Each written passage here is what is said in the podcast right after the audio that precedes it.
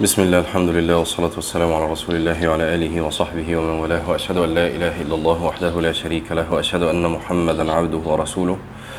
اللهم صل على سيدنا محمد النبي وأزواجه أمهات المؤمنين وذريته وآل بيته كما صليت على آل إبراهيم إنك حميد مجيد أما بعد.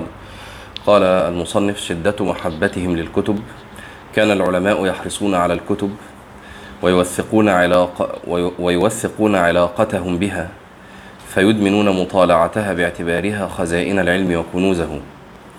قال المبرد ما رأيت أحرص على العلم من ثلاثة الجاحظ والفتح بن خاقان وإسماعيل بن إسحاق القاضي.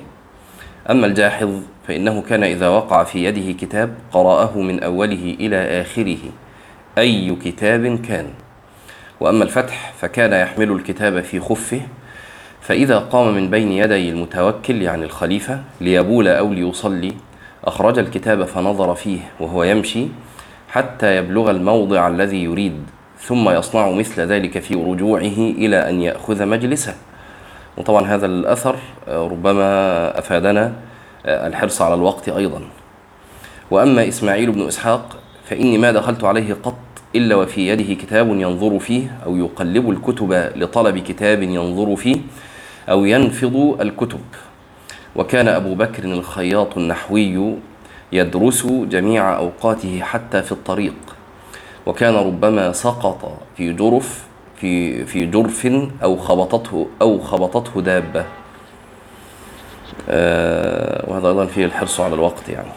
وقال بعض الوزراء يا غلام ائتني بأنس الخلوة ومجمع السلوى. فظن جلساؤه أنه يستدعي شرابا فأتاه بسفط فيه كتب يعني وعاء فيه كتب. وقال أحمد بن عمران كنت عند أبي أيوب أحمد بن محمد بن شجاع ابن محمد بن شجاع وقد تخلف في منزله فبعث غلاما من غلمانه إلى أبي عبد الله الأعرابي صاحب الغريب يسأله المجيء إليه. فعاد إليه الغلام فقال قد سألته ذلك فقال لي عندي قوم من الأعراب فإذا قضيت أربي معهم أتيت.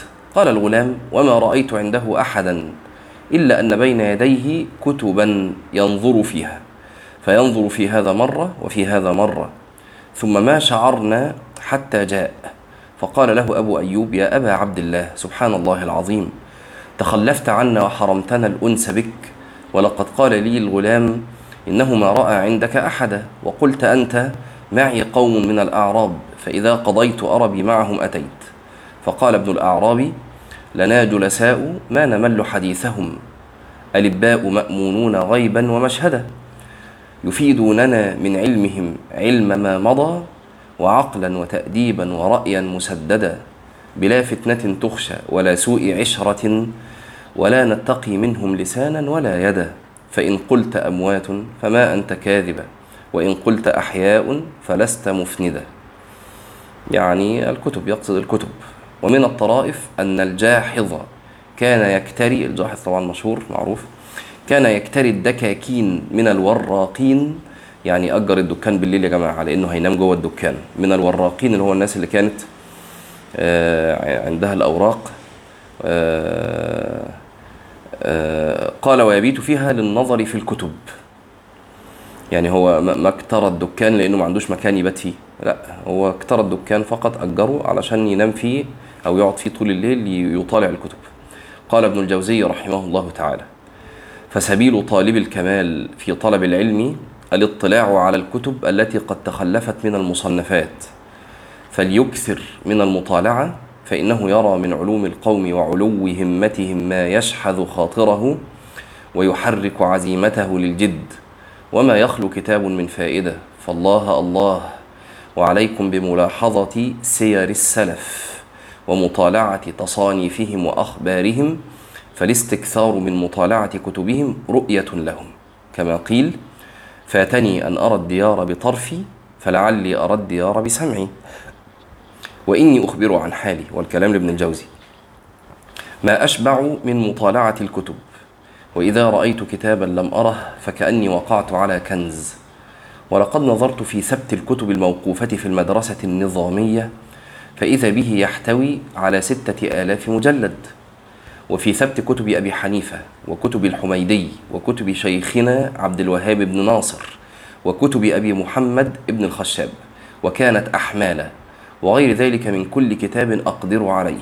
ولو قلت إني طالعت عشرين ألف مجلد كان أكثر وأنا بعد في الطلب. فاستفدت بالنظر فيها من ملاحظة سير القوم وقدر هممهم وحفظهم وعبادتهم وغرائب علومهم ما لا يعرفه من لم يطالع. انظروا يا جماعة ابن الجوزي طالع عشرين ألف مجلد و يعني كأن أشد ما ظفر به في هذه المجلدات آه، سير القوم. يعني يعني طبعا الجوزي فقيه وعالم كبير. آه، فكأن يعني ما حركه وما أثر فيه أو أشد ما يعني رأى أنه ينبه عليه سير القوم وقدر الهمم والحفظ والعبادة وهذه الأمور. هذه أنا لماذا أقول هذا؟ لأن كثير من طلاب العلم اليوم يعدون هذه الأمور يعني من المشغلات أو من الصوارف عن طلب العلم. وهذا جهل عظيم. بل لا يبارك الله عز وجل في علمك إلا بمثل هذه الأحوال معه سبحانه وتعالى. من الحفظ والعبادة وال هذه الأمور التي ذكرها رحمه الله. قال والكلام لابن الجوزي فصرت يعني إذ وقف على هذه الأحوال من السلف قال فصرت أستزري ما الناس فيه يعني من الدنيا والانشغال بها. وأحتقر, وأحتقر همم الطلاب لأنه يعني رأى آه، من يعني من طلب علم الأوائل آه، شيئا مغايرا عما كان عليه الطلاب العلم في زمانه فما بالكم بزماننا؟ ولله الحمد. ومع ما في الكتب من المنافع العميمة والمفاخر العظيمة فهي أكرم مال وأنفس جمال والكتاب آمن جليس وأسر أنيس وأسلم نديم وأفصح عليم. ولذلك حرص العلماء على جمع الكتب والنظر فيها. فهذا ابن حجر رحمه الله. يقول عن ابن القيم في كتابه الضرر الكامنة وكان مغرى بجمع الكتب فحصل منها ما لا ما لا يحصى. حتى كان أولاده يبيعون منها بعد موته دهرا طويلا سوى ما اصطفوه منها لأنفسهم. وخلف يحيى بن معين من الكتب مئة قمطر وأربعة عشر قمطرة وأربعة حباب شرابية مملوءة كتبا. وقال ابن حجر عن ابن الملقن وكان يقتني الكتب بلغني أنه حضر في الطاعون العام بيع كتب شخص من المحدثين فكان وصيه لا يبيع إلا بالنقد الحاضر يعني كاش. قال فتوجهت إلى منزلي فأخذت كيسا من الدراهم ودخلت الحلقة. فصببته فصرت لا أزيد في الكتاب شيئا إلا قال بع له فكان فيما اشتريت مسند فكان فيما اشتريت مسند الإمام أحمد بثلاثين درهما. والقاضي عبد الرحيم ابن علي اللخمي قال عنه الذهبي في سير أعلام النبلاء وبلغنا أن كتبه التي ملكها بلغت مئة ألف مجلد وكان يحصلها من سائر البلاد. ومحمد بن عبد الله السلمي آه، المرسي أو المرسي مش عارف الأندلسي كتب وقرأ وجمع من الكتب النفيسة كثيرة. ومهما آه، فتح به عليه صرفه في ثمن الكتب يعني مهما أتاه من مال صرفه في الكتب. وقال الأدفوي الإدفوي أنا أحفظه هكذا بكسر الهمز يعني الإدفوي هكذا. حكى لي شيخنا قاضي القضاة أبو عبد الله محمد بن جماعة أنه كان عنده أمين الحكم بالقاهرة وكان في اجتهاد في تحصيل مال اليتيم. قال شيخنا فأحضر عندي مرة الشيخ تقي الدين ابن دقيق العيد وادعى بدين عليه للأيتام فتوسطت بينهم طبعا دقيق العيد عالم كبير وقررت معه أن تكون آه، جامكية المدرسة الكاملية أي ما يأخذه من أجر مقابل تدريسه فيها للدين. وتترك للشيخ جامكية الفاضلية لنفقاته. يعني هو كأنه يأخذ أجر من هذه المدرسة وهذه المدرسة. قال له خذ أجره من هذه المدرسة للدين الذي عليه. ثم قال له قاضي القضاة أنا أشح عليك بسبب الاستدانة. فقال ابن دقيق العيد ما يوقعني ما يوقعني في ذلك إلا محبة الكتب. يعني وهذا هو الشاهد يعني بغض النظر عن الحكاية يعني دقيق العيد كان ربما استدان استلف لتحصيل الكتب. وقالت زوجته الإمام الزهري رحمه الله والله إن هذه الكتب أشد علي من ثلاث ضرائر. وقال سليمان العامري يعني لانشغال الإمام الزهري بالكتب. وقال سليمان العامري وقائلة أنفقت في الكتب ما حوت يمينك من مال فقلت داعيني. لعلي أرى فيها كتابا يدلني لأخذ كتابي آمنا بيميني.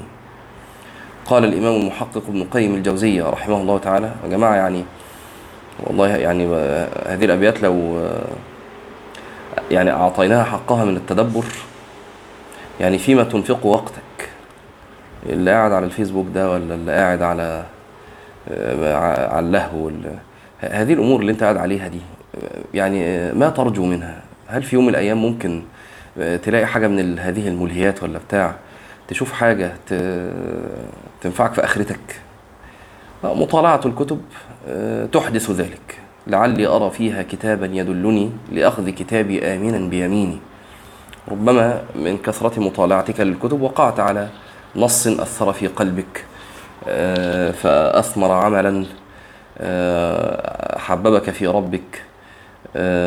يعني أو يعني مثل هذه الأحوال التي يعني قال ابن القيم وأعرف من أصابه مرض من صداع وحمى وكان الكتاب عند رأسه فإذا وجد إفاقة قرأ فيه فإذا غلب وضعه فدخل عليه الطبيب يوما وهو كذلك فقال إن هذا لا يحل لك فإنك تعين على نفسك وتكون سببا لفوات مطلوبك.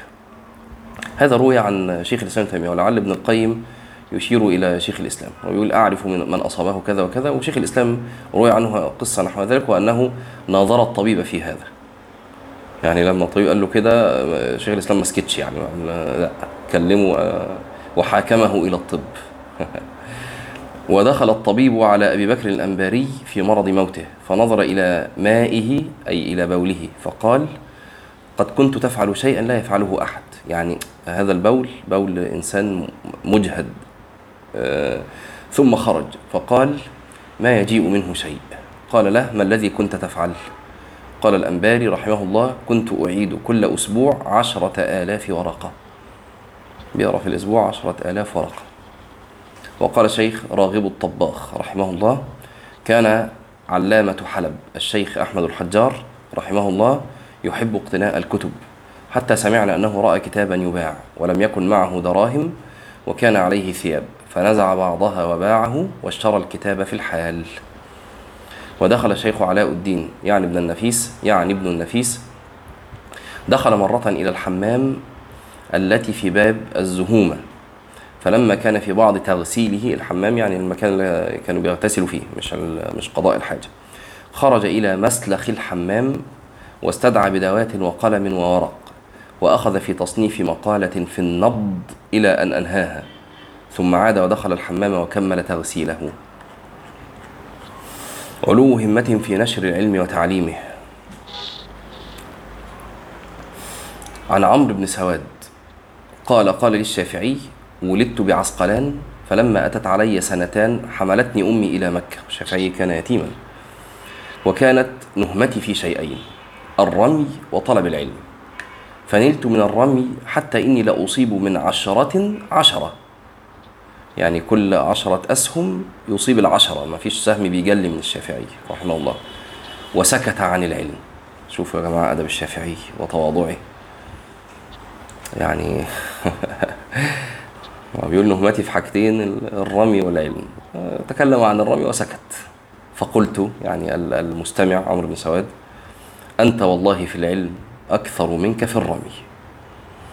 وبرع الشافعي في الشعر واللغة وأيام العرب فنقل القاضي ابن خل ابن خل ابن خلكان أن الأصمعي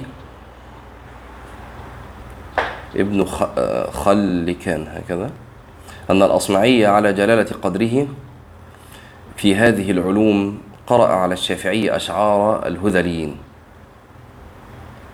وذكر أن أحد علماء الأنساب في العراق تحدث مع الشافعي في هذا العلم علم النسب. فوجده من كبار العلماء فيه. فلما طال بينهما الحديث قال له الشافعي مثلي ومثلك لا يليق بهما أن يتحدثا عن أنساب الرجال من قبل آبائهم. فتعالى نتحدث عن أنسابهم من قبل أمهاتهم. يعني خدوا الحتة تانية خالص. ولقيه طلبة الطب في الفسطاط. فوجدوا عنده من المعرفة في علومهم ما أطمعهم في أن يخصص لهم درسا يأخذون فيه عنه علوم الطب. فأشار إلى الفقهاء واقفين ينتظرونه في ظل جدار في ظل جدار جامع عمرو بن العاص فقال وهل ترك لي هؤلاء من الوقت ما أتفرغ به لكم؟ يعني الفقهاء خدوا وقت كله في دروس الفقه. وقال الربيع بن سليمان المرادي وهو راوي كتب الشافعي ومن أخص أصحابه وأول من أملى الحديث بجامع ابن طولون قال لما قدم الشافعي الفسطاط كان يجالسه أرباب الخلق آه، عبد الله بن الحكم ونظراؤه آه، يعني لعل يقصد مثلا إيه آه، الصوفية أو كذا. وكان حسن الوجه والخلق فحبب إلى أهل مصر من الفقهاء والنبلاء والأعيان. وكان يجلس في حلقته إذا صلى الصبح بجامع عمرو فيجيء أهل القرآن ويسألونه. فإذا طلعت الشمس قاموا وجاء أهل الحديث فيسألونه عن معانيه وتفسيره. فإذا ارتفعت الشمس قاموا واستوت الحلقة للمناظرة والمذاكرة. فإذا ارتفع النهار تفرقوا وجاء أهل العربية والعروض والشعر والنحو. حتى يقترب انتصاف النهار ثم ينصرف إلى من منزله في الفسطاط. شوفوا يا جماعة كل هذه العلوم وألوان الفنون يتكلم فيها الشافعي. وقال الربيع أقام الشافعي ها هنا في الفسطاط أربع سنين فأملى ألفا وخمسين ورقة وخرج كتاب الأم ألفي ورقة وكتاب السنن وأشياء كثيرة كلها في أربع سنين وكان مع ذلك عليلا شديد العلة. وربما خرج الدم وهو راكب حتى يملأ سراويله وخفه يعني من البواسير. إحنا الآن أقل شيء. يصرفنا عن العلم يصرفنا عن العبادة يصرفنا عن طريق الآخر. أقل شيء ولا حول ولا قوة إلا بالله. وكان سفيان الثوري يقول لو لم يأتني أصحاب الحديث لأتيتهم في بيوتهم. وقال لو أني أعلم أن أحدا يطلب الحديث بنية لأتيته في بيته حتى أحدثه. يعني هو العالم يا جماعة هو المحدث. لكن يريد أن ينشر العلم. لو هم ما جوش ياخدوا الحديث أنا اللي هروح له. وأوصى ابن القاسم عيسى بن دينار. آه، وأوصى ابن القاسم عيسى بن دينار فقال عليك بأعظم مدائن الأندلس فانزلها ولا تنزل منزلا يضيع ما يضيع ما حملت من علم. يعني يعني ما تبقاش عالم وتقعد في حتة ما لا الناس ما تستفدش من علمك أو ما فيش اللي يهتم بعلمك. وهذه همة همة الإمام الهمام ابن حزم الأندلسي رحمه الله. تتمدد وتتمطى وتتسامى. فانظر الآفاق التي بلغتها إذ يقول منادي من الدنيا علوم أبثها. منايا بقى أيوة منايا من الدنيا علوم أبثها وأنشرها في كل باد وحاضر. دعاء إلى القرآن والسنن التي تناسى رجال ذكرها في المحاضر. وألزم أطراف الثغور وألزم أطراف الثغور مجاهدا. إذا هيعت إذا هيعة ثارت فأول نافري. آه لألقى حمامي مقبلا غير مدبر بسمر العوالي والدقاق البواتر كفاحا مع الكفار في حومة الوغى. وأكرم موت للفتى قتل كافر. فيا رب لا تجعل حمامي بغيرها ولا تجعلني من قطين المقابر. علو همتهم في التصنيف. قال الخطيب البغدادي سمعت علي بن عبيد الله بن عبد الغفار اللغوي يحكي أن محمد بن جرير الطبري المتوفى 310 عن 83 سنة مكث أربعين سنة يكتب في كل يوم منها أربعين ورقة. الإمام الطبري معروف صاحب التفسير صاحب التاريخ. طيب لما حسبوها لقوه إنه كتب ما يقارب 584 ألف. عدى النص مليون آه، ورقة كتبها بيده. وابتداء يقف المرء حائرا مجدوها أمام هذا الرقم الذي لا يعرف لعالم في تاريخ البشرية بيد أنه إذا علم ما كان عليه هذا الإمام الجليل من همة عالية وعزيمة ماضية وحرص على لحظات العمر حتى في ساعات الاحتضار وإدراك لشرف الرسالة التي يحمل مع فسحة في العمر والبركة فيه. آه، لما كان عليه من الإخلاص وصدق النية. خف يعني لما المرء بقى يتأمل هذا خفت حيرته وأصبح أقرب إلى فهم حقيقة هذه الغزارة في الإنتاج العلمي. ويا جماعة هذه الأمور لا تقاس بال بال يعني بالحسابات المادية وإنما في بركة وفي توفيق من الرب سبحانه وتعالى. والطبري أظن هو اللي أثر عنه اللي هو وهو عنده 80 سنة لما نط نطة كده جديدة شوية. الشباب ما يعرفوش ينطوها أو صعبة يعني. وبعدين قال إيه هذه جوارح حفظناها في الشباب فحفظها الله علينا في الإيه؟ في الكبر. قال يقول الأستاذ محمد كرد علي محمد كرد علي في ترجمة ابن جرير الطبري وما أثر عنه أنه أضاع دقيقة من حياته في غير الإفادة والاستفادة. لا حول ولا قوة إلا بالله. ومصنفات إمامنا الطبري رحمه الله في الذروة جدة ومنهجا واتساعا وعمقا ونضجا مع اختلاف الفنون التي تناولها على كثرتها حتى آلت إليه إمامة المؤرخين والمفسرين إلى جانب كونه صاحب مذهب فقهي يختص به. ولإدراك المنزلة التي نزلتها مصنفاته أذكر ما قاله أبو حامد أحمد بن أبي طاهر الإسفرائيني. قال لو سافر رجل إلى الصين حتى يحص حتى يحصل له كتاب تفسير محمد بن جرير لم يكن ذلك كثيرا. وتفسيره المشار إليه أنفا والمطبوع في ثلاثين في ثلاثين جزءا على ضخامته ونفاسته وريادته أتى على غير ما كان يؤمل سعة يروي الخطيب البغدادي أن أبا جعفر الطبري رحمه الله قال لأصحابه أتنشطون لتفسير القرآن؟ قالوا كم يكون قدره؟ يعني يقول لهم عندكم نشاط نملي عليكم تفسير القرآن يعني هم وهم يكتبوا هيكون قد إيه يعني؟ فقال ثلاثون ألف ورقة. فقالوا هذا مما تفنى الأعمار قبل تمامه. فاختصره في نحو ثلاثة آلاف ورقة. أنتوا واخدين بالكم يا جماعة من الله يعني لو كان أملاه على القدر الذي كان يؤمله وهو دلوقتي 30 مجلد كان زمانه جه في 300 مجلد. صح كده؟ 33 آه يعني 3000 وهو كان يؤمل إنه يبقى 30000 ورقة.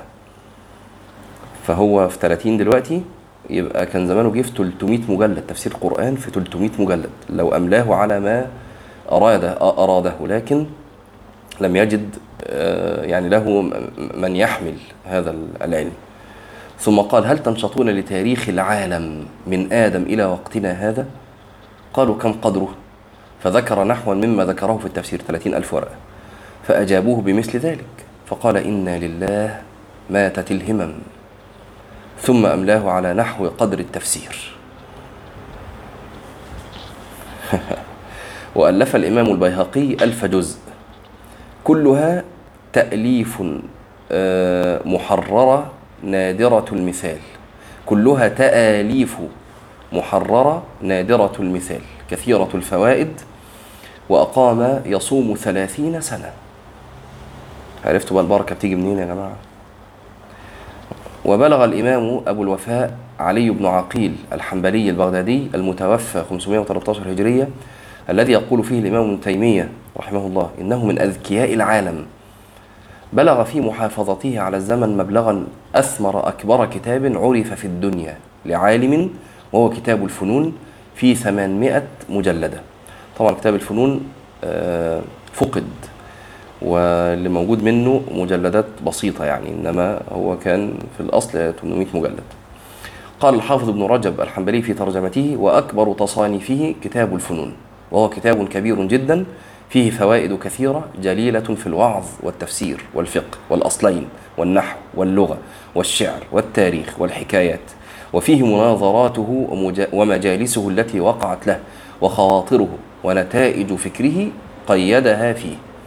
يقول ابن الجوزي وكان له الخاطر العاطر والبحث عن الغوامض والدقائق وجعل كتابه المسمى بالفنون مناطا لخواطره وواقعاته ومن تأمل واقعاته ومن تأمل واقعاته فيه عرف غور الرجل.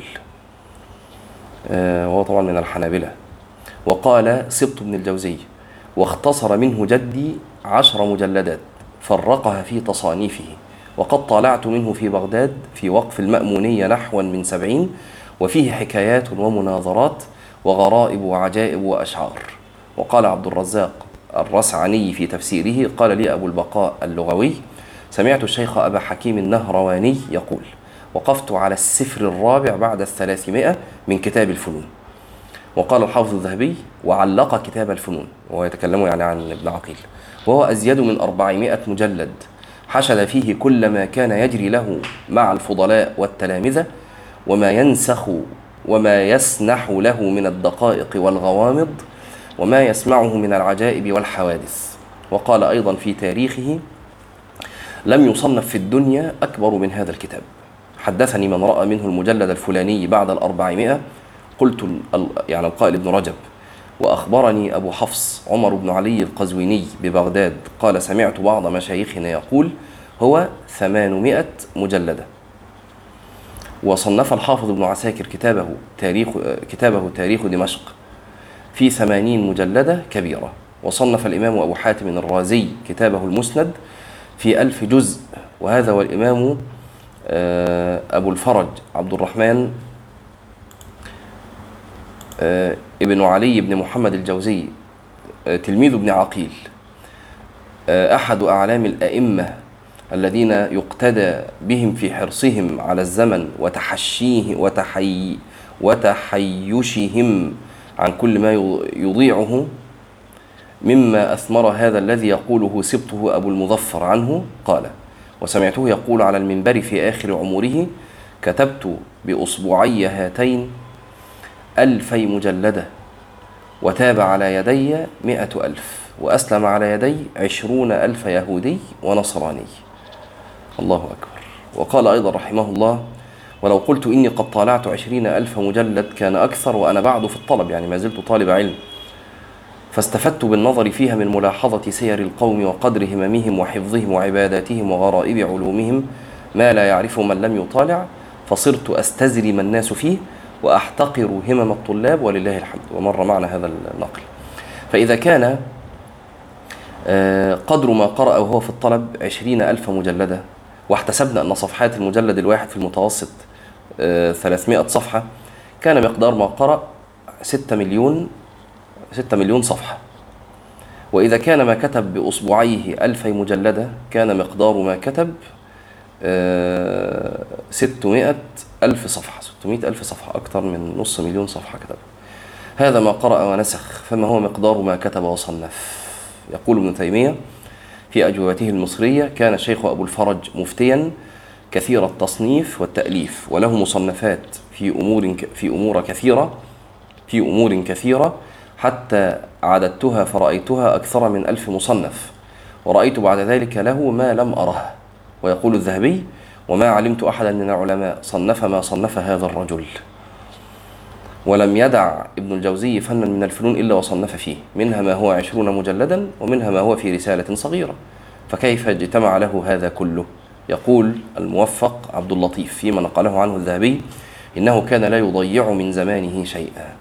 ويقول ابن الجوزي نفسه رحمه الله لقد رأيت خلقا كثيرا يجرون معي فيما قد اعتاده الناس من كثرة الزيارة. ويسمون ذلك التردد خدمة ويطلبون الجلوس. ويجرون فيه يعني في في هذه المجالس أحاديث الناس وما لا يعني ويتخلله غيبة. وهذا شيء يفعله في زماننا كثير من الناس. وربما طلبه المزور وتشوق إليه واستوحش من الوحدة وخصوصا في أيام التهاني والأعياد. فتراهم يمشي بعضهم إلى بعض ولا يقتصرون على الهناء والسلام. بل يمزجون ذلك بما ذكرته من تضييع الزمان. فلما رأيت أن الزمان أشرف شيء والواجب انتهازه بفعل الخير كرهت ذلك وبقيت معهم بين أمرين. إن أنكرت عليهم وقعت وحشة لموضع قطع المألوف. هم خلاص اتعودوا على المجالس دي. وإن تقبلته منهم ضاع الزمان فصرت أدافع اللقاء جهدي. فإذا غلبت قصرت في الكلام لأتعجل الفراق. ثم أعددت أعمالا لا تمنع من المحادثة لأوقات لقائهم لئلا يمضي الزمان فارغا. يعني سبت شوية حاجات بقى كده بقى, بقى, بقى إيه؟ ده بقى هو ده ال time management يا جماعة. هو ده إدارة الوقت. الحاجات اللي ممكن وأنا قاعد مع الناس أعملها. كان يسيبها ما يعملهاش. ليه؟ علشان هو قاعد معاهم يبتدي يشتغلها فالزمان ما يضيعش. فجعلت من آه، المستعد مثلا للقائهم قطع الكاغد وبري الأقلام وحزم الدفاتر فإن هذه الأشياء لا بد منها ولا تحتاج إلى فكر وحضور قلب. فأرصدتها لأوقات زيارتهم لئلا يضيع شيء من وقتي. الله أكبر. آه يبقى ترتيب الأوراق آه، بري الأقلام الحاجات دي يسيبها ما يعملهاش بقى وهو قاعد لوحده. ولما يجي له حد زيارة يبتدي يعمل الحاجات دي وهو قاعد معاه. وصنف شيخ الإسلام ابن تيمية رحمه الله ما يربو على 400 مصنف من كنوز العلم ودقائقه قال ابن القيم وقد شاهدت من قوة شيخ الإسلام ابن تيمية في سننه وكلامه وإقدامه وكتابته أمرا عجيبا فكان يكتب في اليوم من التصنيف ما يكتبه الناسخ في جمعة وأكثر. ودي وظيفة الناسخ يعني هو ده. وعلى وعلى سنن من سبق مشى شيخ الطب في زمانه ابن النفيس رحمه الله والذي يقول عنه الإمام التاج السبكي وأما الطب فلم يكن على وجه الأرض مثله. آه، قيل ولا جاء بعد ابن سينا مثله.